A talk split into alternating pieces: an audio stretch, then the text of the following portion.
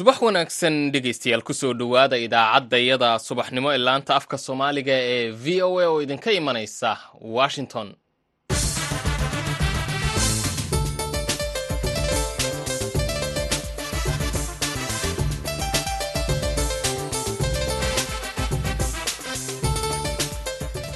waa subax axad ah bisha februarina ay tahay shan sannadka labada kun iyo saddex iyo labaatanka.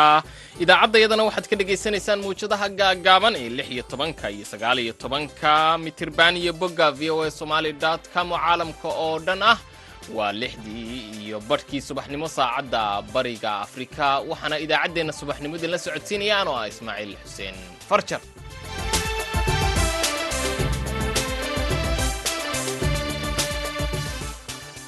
qodobada ad ku dhegaysan doontaan idaacaddeenna subaxnimona waxaa ka mid ah shirkii dib u heshiisiinta ee ka socday baydhabo oo la soo gebagabeeyey iyada oo lagu heshiiyey xilliga ay qabsoomayso doorashada ka dhacaysa maamulka koonfur galbeed.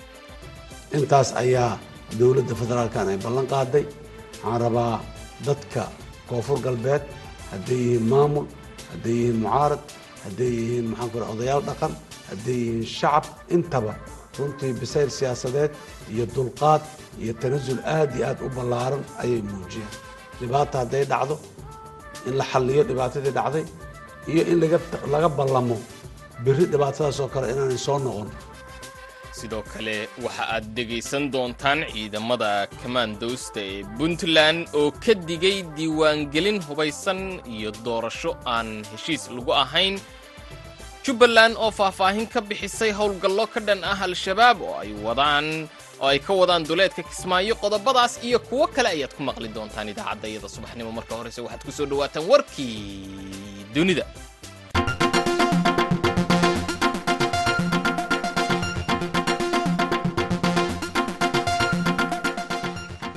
aan ku bilownay mid ka mid a diyaaradaha dagaalka ee dalkan maraykanka ayaa xili dambe oo maalinimadii sabtida ahayd waxa ay toogteen buufin ka timi dalka shiinaha oo looga shakisan yahay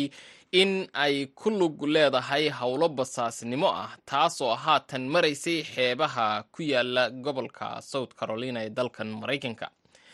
buufintan ayaa hawada maraykanka dhex sabeynaysay muddo toddobaad ah waxaana si dhow la socday wasaaradda difaaca ee maraykanka iyaga oo ku eedeeyey in buufintan ay tahay mid loo adeegsanayo arrimo basaasnimo. Tallaabadan ayaa xumaysay xidhiidhka diblomaasiyadeed ee u dhexeeya maraykanka iyo shiinaha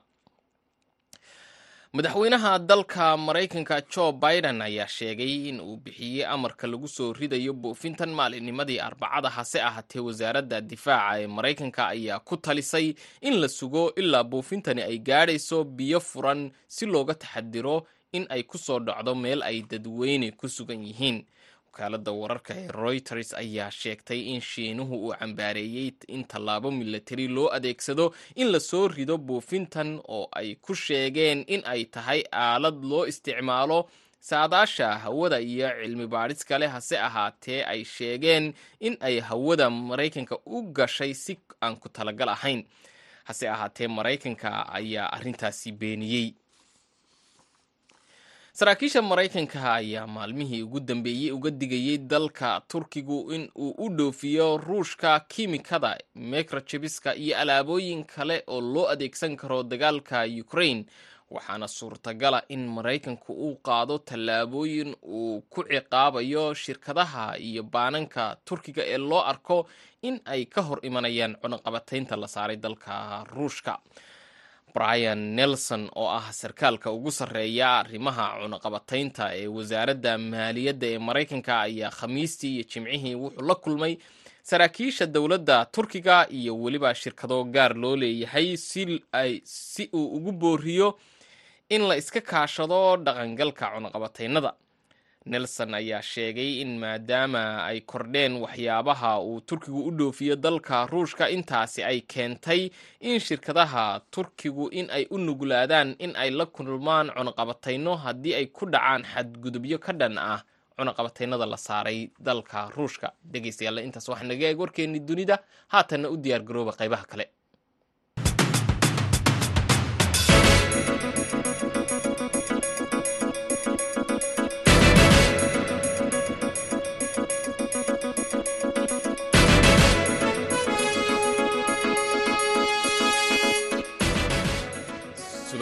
dhegaystayaal laantaafka soomaaliga ee v o a aad nagala socotaan aan ku bilownay taliska ciidanka kamaandoosta puntland ee guutada labaad ee danab loo yaqaano oo fadhigoodu yahay garoowe ayaa ka digay sida ay sheegeen diiwaangelin hubaysan iyo doorasho aan heshiis lagu ahayn kuna baaqay in la isugu yimaado wada hadal. Wariyaha v o eda ee garoowe nuux muuse birjeeb ayaa warbixintan halkaas ka soo diray qoraal ka soo baxay xalay taliska ciidanka kumaandooska guutada labaad oo lagu sheegay inay madax bannaan yihiin uuna ku saxiixnaa taliyaha sareeyo guuto jimcaale jaamaca takar oo mar qura qabsaday baraha bulshada ayaa ahaa mid la filayey maalmihii ugu dambeeyey oo guux ka soo horjeeda nidaamka diiwaangelinta doorashooyinka ay ka socdeen qaybo ka mid ahi gobolka nugaal. Afhayeen u hadlay ciidamada kumaandooska guutada labaad laguna magacaabo kabtan maxamed siciid daylaaf ayaa ku dheeraaday go'aanka ay soo saareen ciidanka kumaandoosta puntland danab oo fadhigeedu yahay ligle garowe waxay u xaqiijinaysaa bulshada soomaaliyeed gaar ahaan reer puntland dareen u yeelashada xaalad culayskeeda leh oo ku saabsan jiritaanka marxalad deganaansho la'aan ah oo lagu sifayn karo ku-takrifal awoodeed iyo jajuub siyaasadeed oo ka jirta guud ahaan puntland. Haddaba si looga badbaado khataraha amni darro wuxuu ciidanka kumaandooska danab go'aansaday inuu uga digo cid kasta oo ku lug leh falal abuuri kara amni darro. Ciidamadu waxay ku suntan yihiin awoodda iyo xoogga dal kasta waana kuwo naftood horayaal ah oo habeen iyo maalin u taagan ilaalinta sharafka dadka iyo dalkooda. Sidaas darteed waxay og yihiin dhammaan muwaadiniinta reer puntland guutada labaad ciidanka kumaandooska danab in muddo ku siman shan iyo toban sano ay u dhabar adeygayeen difaaca amniga gudaha iyo midka dibadda kaasoo ay ku nafwaayeen kuna naafoobeen halyeeyo badan oo ka tirsan ciidanka kumaandooska puntland danab afhayeenka ayaa sidoo kale sheegay inay ka digayaan diiwaangelin hubaysan iyo doorasho aan heshiis lagu ahayn sida uu tilmaamay. Haddaba deganaansho la'aanta jirta si looga gudbo waxaanu faraynaa. Cid kasta oo ay khusayso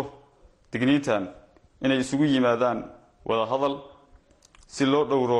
amniga iyo kala dambeynta lagana noqdo wax walba oo keeni kara xasilooni darro. Ciidanka kumaandooska waxay ka digayaan mar kale diiwaangelin hubaysan iyo doorasho aan heshiis lagu ahayn oo keeni karta dembiyo la xidhiira ku-takrifal awoodeed iyo qalalaase ka dhex abuurma gudaha puntland gaar ahaan magaalo madaxda puntland ee garowe. Hadalka ka soo baxay ciidanka kumaandooska ayaa waxaa ka horreeyey baaqyo ka soo yeerayay qeybo ka mid ah odayaasha dhaqanka oo ay ku muujiyeen inay diidan yihiin diiwaangelinta iyagoo tilmaamayay sababo jira balse ma jirin cid ka jawaabtay baaqyadaas ama ka hadashay hadday noqon lahayd dhanka guddiga doorashooyinka kumeel gaarka ee puntland iyo dhanka xukuumaddaba. Nuux muuse birjeeb v o a garoowe dhegeystayaal waxaa naga xasuusinaa in dhinaca maamulka puntland aanu weli wax war ah ka soo saarin dhacdadan. Marka ugu horeysa ee aan helno falcelintooda ayaan idinla wadaagi doonaa. Halkaad nagala socotaana waa laanta afka soomaaliga ee v o a oo idinka imaneysa washington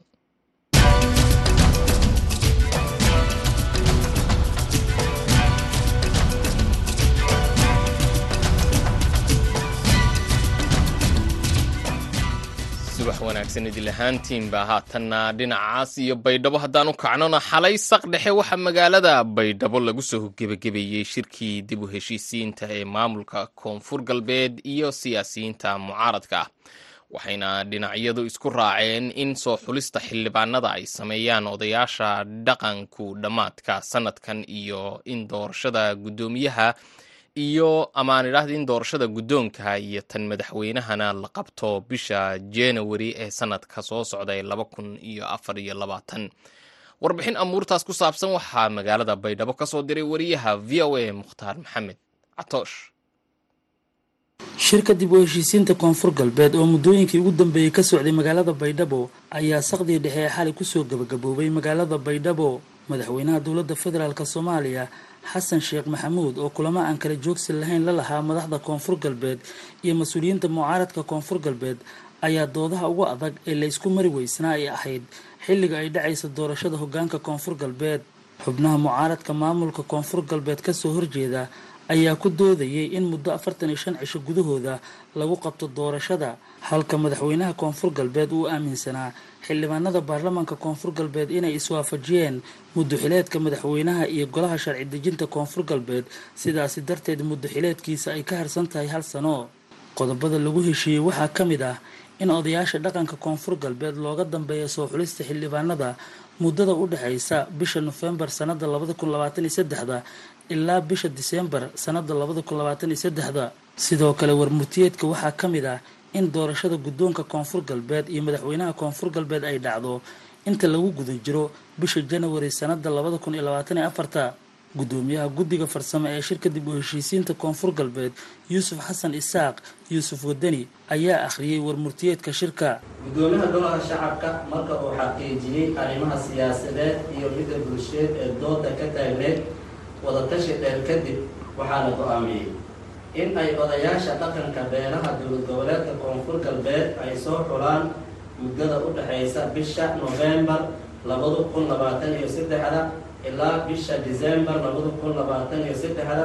xubnaha golaha wakiilada ee baarlamaanka koonfur galbeed soomaaliya iyaga oo la tashanaya beelahooda si waafaqsan qodobka soddon iyo toddobaad farqada saddexaad ee dastuurka koonfur galbeed. In doorashada guddoonka golaha wakiilada dowladda koonfur galbeed soomaaliya iyo doorashada madaxweynaha dowlad goboleedka koonfur galbeed soomaaliya la qabto inta lagu guda jiro bisha janaayo labada kun labaatan iyo afarta. Qodobka labaad. Dhammaan guddoomiyaha guddiga dib heshiisiinta madaxweynaha dowlad goboleedka koonfur galbeed siyaasiyiinta ku midoobay daladaha midooda musharaxiinta iyo madasha sanadka bixinta koonfur galbeed soomaaliya waxa ay isku raaceen in wasaaradda arrimaha gudaha federaalka iyo dib heshiisiinta ay dhaqangeliso heshiiska qodobada kor ku xusan madaxweynaha dowladda federaalk soomaaliya xasan sheekh maxamuud ayaa sheegay shirka dib u heshiisiinta baydhabo inuu guul ku dhammaaday dhinacyada khilaafka u dhexeeyeyna ay muujiyeen tanaasulaad madaxweyne xasan sheekh maxamuud ayaa sidoo kale caddeeyey in waxyaabaha lagu ballansan yahay heshiiskana lagu gaaray ay dowladda federaalka mas'uuliyad iska saartay sidii loo dhaqangelin lahaa. Dowladda federaalk ee soomaaliya waxay diyaar u tahay ayaduna dhinaceeda ay ka ballan qaaday in wixii kaalin ah ee uga aadan ee arrimaha dib u heshiisiinta arrimaha isu soo dhoweynta dadka iyo qalbi xaarista iyo arrimaha wixii lagu ballamay sidii loogu ballamay inay u dhaqan galaan hubinteeda iyo xaqiijinteeda intaas ayaa dowladda federaalkan ay ballan qaaday. Waxaan rabaa dadka koonfur galbeed hadday yihiin maamul hadday yihiin mucaarad hadday yihiin maxaan ku odayaal dhaqan hadday yihiin shacab intaba runtii bisayl siyaasadeed iyo dulqaad iyo tanasul aada iyo aada u ballaaran ayay muujiyeen. Dhibaata hadday dhacdo in la xaliyo dhibaatadii dhacday iyo in laga laga ballamo beri dhibaatadaas oo kale inaanay soo noqon waaye waxa tallaabooyinka in la qaado ah waana laga ballamay. Dowladda federaalka ah na waxay mas'uuliyadda qaadatay wixii lagu ballamay xaqiijintooda inay dul joogto oo ay hubiso. Qofkii wixii lagu ballamay ka leexanayana inay gacanta ka qabato oo ay dhahdo wixii lagu ballamay sidaan ma ahayn ee joog. Nabadan timido awgeed waxaan aaminsannahay wax badan oo horumar ah iyo muxuu ahay boogadhayad badan iyo qalbi xaarid badan iyo isu soo noqosho badan inay dhici doonto haddii alla yiraahdo in la ilaaliyo nabadda in la ilaaliyo kalsoonida in la ilaaliyo qalbiga qalbiga dadka in la ilaaliyo. Waayo dardaaranka guud aan ku dardaarmayno aada iyo aad ayaa ididiladan u fiican tahay. Waxaa kaloo aan rabaa iyadana aada iyo aada ugu faraxsanaya rabaan inaan ka mahad celiyo dadka koonfur galbeed sida ay uga go-an tahay in khawaarijta lala dagaalamo sida ay uga go-an tahay in maxaanku irahda degaanada dalka soomaaliya oo dhanna la xoreeyo si gaarana degaankan weliba ay xoog iyo caqli wixii ay hayaan oo dhan ay isugu geeyaan si a loo xoroobo arrintaas arrin ididiilo leh bilowgii maxaanku irahday dib u xorey mukhtaar maxamed catoosh v o a baydhabo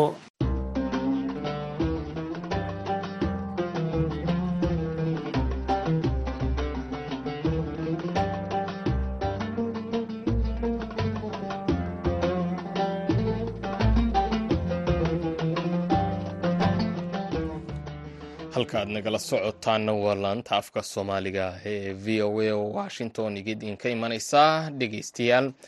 haddii wararkaasi iyo warbixinadaasi ay idin seegaanna waxaad ka heli kartaan bogga v o a v o a somaly com. Haatanna dhinacaas iyo kismaayo. Kadib howlgallo xoogan oo ay qaadeen ciidamada jubbaland iyo kuwa xoogga ee dalka soomaaliya kaasoo ka soconaya deegaanada galbeedka kismaayo ayaa waxa ay ciidamadu sheegeen in intii howlgalladu ay socdeen ay dileen afar ka mid ah al-shabaab waxaana ay faahfaahin ka bixiyeen qorshaha howlgalladaasi iyo ujeedkiisa. Dhanka kalena jubbaland ayaa sheegtay in ay diyaariyeen ciidamo boolis ah oo loogu talagalay deegaanada al-shabaab laga saaro si ay ammaanka bulshada deegaanadaasi ay ula wareegaan. Faahfaahinta warkaasi waxaa kismaayo ka soo diray wariyaha v o a aadan maxamed salaad. Howlgalladan oo maalmihii la soo dhaafay si weyn uga soconayay deegaanada galbeedka magaalada kismaayo islamar ahaantaana ciidamada jubbaland ay bilaabeen howlgalladaasi toddobaadyadii la soo dhaafay ayaa ku guulaystay in ay qaadaan weeraro gaadmaa oo ay la beegsadeen xarumo ay ku sugnaayeen al-shabaab sida ay sheegeen saraakiil ka tirsan ciidamada maamulka jubbaland. Howlgalkii u dambeeyey oo dhacay afar labaatankii saac aynu ka soo gudubnay ayaa ka dhacay deegaanka sooya ee galbeedka magaalada kismaayo halkaas oo ay ku dagaalameen ciidamada jubbaland oo kaashanaya kuwa xoogga dalka iyo kooxda al-shabaab sida ay sheegeen saraakiisha ciidamada jubbaland ilaa afar ka mid a al-shabaab. Ayaa goobtaasi lagu dilay saddex kalena dhaawacyo ayaa soo gaaray sida uu sheegay afhayeenka ciidamada jubbaland maxamed faarax daahir oo la hadlayay warbaahinta. Waxaad makhraati ka tihiin miidiya iyo soomaali hubkoodii qoryahoodii moobayladoodii iyo qaabka ay u yaallaan mid kasta oo ka mida shabaabna. Maanta ama berri wuxuu noqon doonaa sidan oo kale ama si ka sii foolxun waxaan marka mar labaad iyo mar saddexaadba uga digaynaa shacbiga soomaaliyeed ee wiilasha dhallinyarada ee la khaldahayo ee ogsoonow nin kasta oo la soo khaldo ciidanka xoogga dalka soomaaliyeed iyo ciidanka jubbaland heerarkiisa kala beddelan way yaqaanaan sida loo dila cadowga. Sidaa unbaad ku dambayni waxaannu ku leenahay ka waantow oo ka bax wixii aad ku jirto. Khasaaruhu labadan ma aha afar xubnood bay xalay khaarijiyeen laakiin dee annaga oberation baan ku dhex jirnaaye. Labadan waxaan u soo bandhignay si yacni muunad ahaana labadii kalena waa aaskoodii waxoodii baan diyaarinaynaa dhaawacu saddex waan hubnaa. Wax ka badanna waa jiidanayeen. Intii ka soo hadhay intaas nin nin raacay kuma jiro ciidamaduna way ku daba jiraan afhayeenka ciidamada jubbaland ayaa fariin u diray guud ahaanba shacabka soomaaliyeed si ay ula shaqeeyaan ciidamada ammaanka maadaama ay howlgallo xoogan ka wadaan dhulka miyiga ahi ee galbeedka magaalada kismaayo gaar ahaana nawaaxiga deegaanka janaac cabdalle. Masaafada koowaad ee hadda janaac cabdalle iskuweel afartan kilomitir dhuldhan bay ka howlgelayaan. Way baacsanayaan. Habeenkiibay ciidamadu socdaan maalintiibay socdaan. Shacbiga soomaaliyeed kow inay taxadiraan waa ka codsanaynaa laba ciidanka markay arkaan inayna ka cararin baan u baahannahay aadan maxamed salaad v o a magaalada kismaayo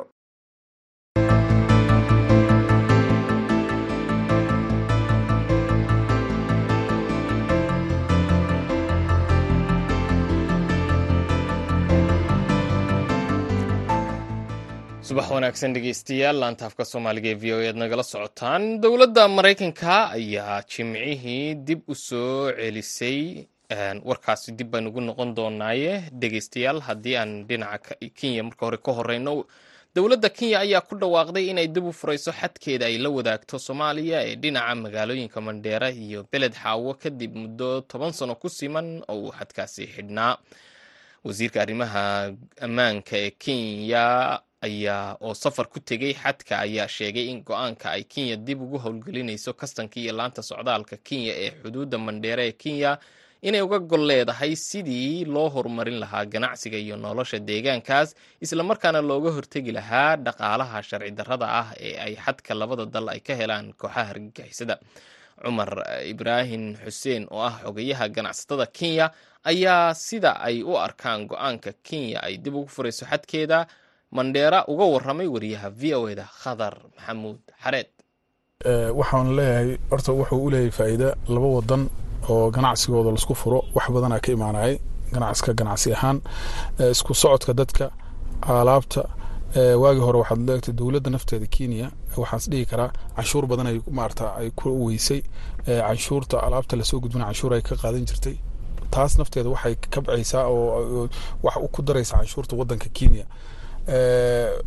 tan labaad soomaaliyana waxaa ka imaan jiray badaaco raqiis ah oo fiican oo dadka maarata mandheero degan iyo wadanka guud ahaan si kasta u saameynaysa oo oo qiimo jaban ah ayaa ka imaan jirtay. Taasna marka waxay si kale haddii loo dhigo lacag fiican ayay maarata soomaalidana wadanka soomaaliya ay ka heli jireen. Dadka kenyana badaaco raqiis oo wanaagsan oo fiican ayay heli jireen si deg degna waad ku heli jireen. Ma ogtahay xuduudda mandheera iyo nairobi waxay isu jirtaa intaasoo kun kun iyo wax kilomitr ay isu jirtaa. Marka wax mombaaso laga keenay waxaa ka fiican in waxa laga keenay mandheere ay ayuu ka soo galaan dadkaas mandheere iyo areadaas iyo countiga mandheere wajeer gaaris areadaas dhan wax badan ay u taraysaa dadka meesha degan soomaalidana waxaa waaye badaca raqiisa dadkii oo isku soo gudbi karo duurka la mari jiray oo maarata ammaan darada wareega badan waa laga badbaadaya. Meel fiican oo si maarata oo dowladdan ay aqoonsan tahay ayaa la soo maraa. Marka taas waxaan dhihi karaa ganacsi ahaan wax badan ay ka furfuraysaa dowladda. Labada dowladoodna waa isku furfurmayaan oo ganacsi ahaan oo isku soo dhowaanayaan taasna waxay u tahay soomaalida labada dhinacba faa'iida ugu jirto ganacsi ahaan ay ugu jirta amni ahaan ay ugu jirtaa dadka maarata waad ogtahay haddii duurka badaacada aan laga maarmayn dadka qaarkii waxay soo mari jireen wado qardijeexa wareeg badan. Taas marka ammaan darro. Meelahaad soo maraysa oo maarata aan lasku haleyn karin. Laakiin haddii la yidhahdo meel oo dowladdan ay ogtahay canshuur yarna ay kaa qaadayso soo mar haddii la yidhahdo waxaa la dhihi karaa wixii waa la soo fududeeyey. Maxaa kenya inay xilligan ku dhawaaqdo inay xad ka furayso ku soo aadiyay kula tahay? Waxaa ku soo aadiyey waad ogtahay dowlad cusubaa ka dhalatay wadanka kenya. Marka waxay rabtaa in ganacsi ahaan ay u furfurto maarata waddamada dariska la ganacsato dadka maarata xuduudihii wixii culeysyadii hore u jira inay fududayso oo maarata dadka ay ganacsiga dhaqdhaqaaqa u bato oo dhaqaalaha wadanka u kobco waxyaalahaas ay ku mashquulsan yihiin marka waxay leeyihiin wixii hore oo qaladaad dowladdii hore maamulka hore ay samaysa dhan inay wax ka bedelaan ayay dowladdan cusub ee william ruto ay rabtaa. Marka taas ayay ka dhigan tahay in xayiraadaha meelaha ka jijira dhan la furfuro kaasi waxa uu ahaa xogayaha cumar ibraahim cumar cumar ibraahim xuseen oo ah xogayaha ganacsatada kenya oo ka hadlayay sida ay u arkaan go'aanka ay kenya dib ugu furayso xadkeeda wariyaha v o a khadar maxamuud xareed ayuu u waramayay haatanna haddii aan dhinaca iyo warbixintii maraykanka aan dib ugu laabanno dowladda maraykanka ayaa jimcihii sheegtay inay dib u soo noolaynayso sida ay uga xun tahay ama ay markale ku celinayso siday uga xun tahay aynu u cambaaraynayso in xukuumadda taalibaan ee ka arrimisaa dalka afghanistan in ay ka baxeen ballanqaadyadii ay hore ula galeen dalka maraykanka taasoo ahayd inay dalkaas ku maamulaan si mas'uuliyadii ay ku dheehan tahay islamarkaana ay xuquuqda dadka ay ilaaliyaan oo ay haweenkuna ku jiraan. Haddaba wariyaha v o a sahraa cabdi axmed ayaa warbixin ay qortay v o a inoo soo koobaysa john kibry oo ah isku duwaha golaha amniga qaranka maraykanka ee xagga isgaarsiinta ayaa v o a da u sheegay in daalibaan ay sii wadi doonto inay ka go-do beesha caalamka inteeda kale haddii aysan ka noqonin xanibaadaha haweenka ay horey u saareen mar haddii taalibaan ay rabto in loo tixgeliyo in ay tahay maamul sharci ah haddii ay rabaan aqoonsi beesha caalamka ah haddii ay rabaan kaalmo dhaqaale iyo maalgashi dalkooda ah markaasi waa inay ka soo baxaan ballanqaadkoodii fuliyaanna waajibaadkooda oo ay u dhaqmaan sidii ayaga oo haysta nidaam waafaqsan sharciga. Kirby ayaa sidaasi sheegay. Taalibaan ayaa la wareegtay maamulka afghanistan bishii agoosto sannadkii labadii kun iyo koob iyo labaatankii waxayna tan iyo markaasi dhaqan gelisay. Xanibaado adag oo ay markaasi si ba'an ugu yareynayaan xuquuqda haweenka iyo gabdhaha inay ka qayb qaataan nolosha bulshada dhaqaalaha iyo siyaasadda. Hogaamiyaasha mayalka adag ayaa afghanistan waxa ay ka dhigeen dalka keliya ee adduunka ka mamnuuca in gabdhaha ay dhigtaan dugsiyada sare iyo jaamacadaha daalibaan ayaa sidoo kaleeto ka mamnuucay haweenka afghanistan inay u shaqeeyaan hay'adaha aan dowliga ahayn ee qaranka iyo kuwa caalamiga ah ee bixiya gargaarada bini-aadanimo malaayiinka qof ee ku nool dalkaasina ay colaaduhu halakeeyeen caawinaya. Warbixintaas oo ay qortay v o a waxay noo soo koobaysay sahraa cabdi axmed. Laanta hafka soomaaliga ee v o aad nagala socotaan haatanna dhinacii heesaha ayaan jallaacaynaa mid ka mid a heesaha uu leeyahay fanaanka cawaale aadan heesta baydhabo ayaan haatanna idinku soo maqan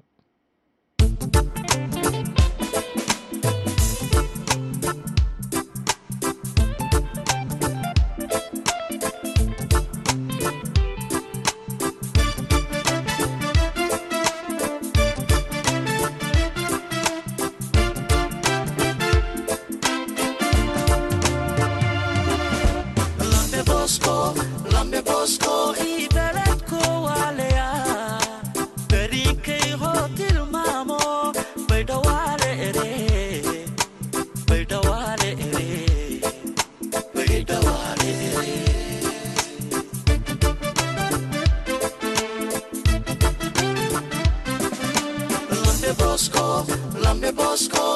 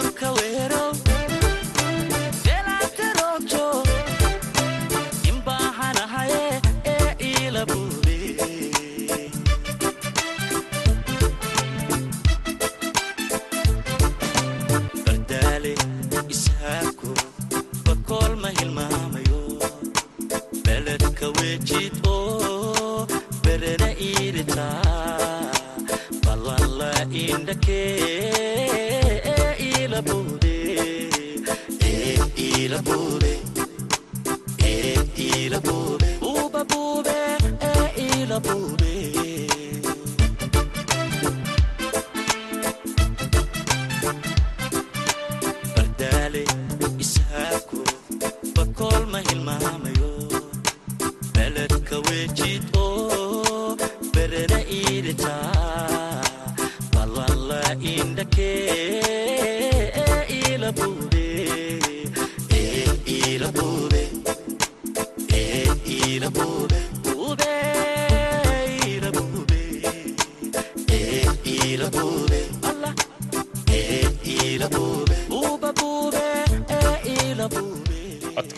cawaale aadanna wuxuu gebagabo u yahay idaacaddayadii subaxnimo. Oo aan idinla socodsiinayaan oo ismaaciil xuseen farjartan iyo intayna idaacadda galabta dib hawada idaacadda hornimo dib hawada u kulmi doono. Waxaan idinkaga tegaynaa sidaas iyo ismaqal dambe oo xiise leh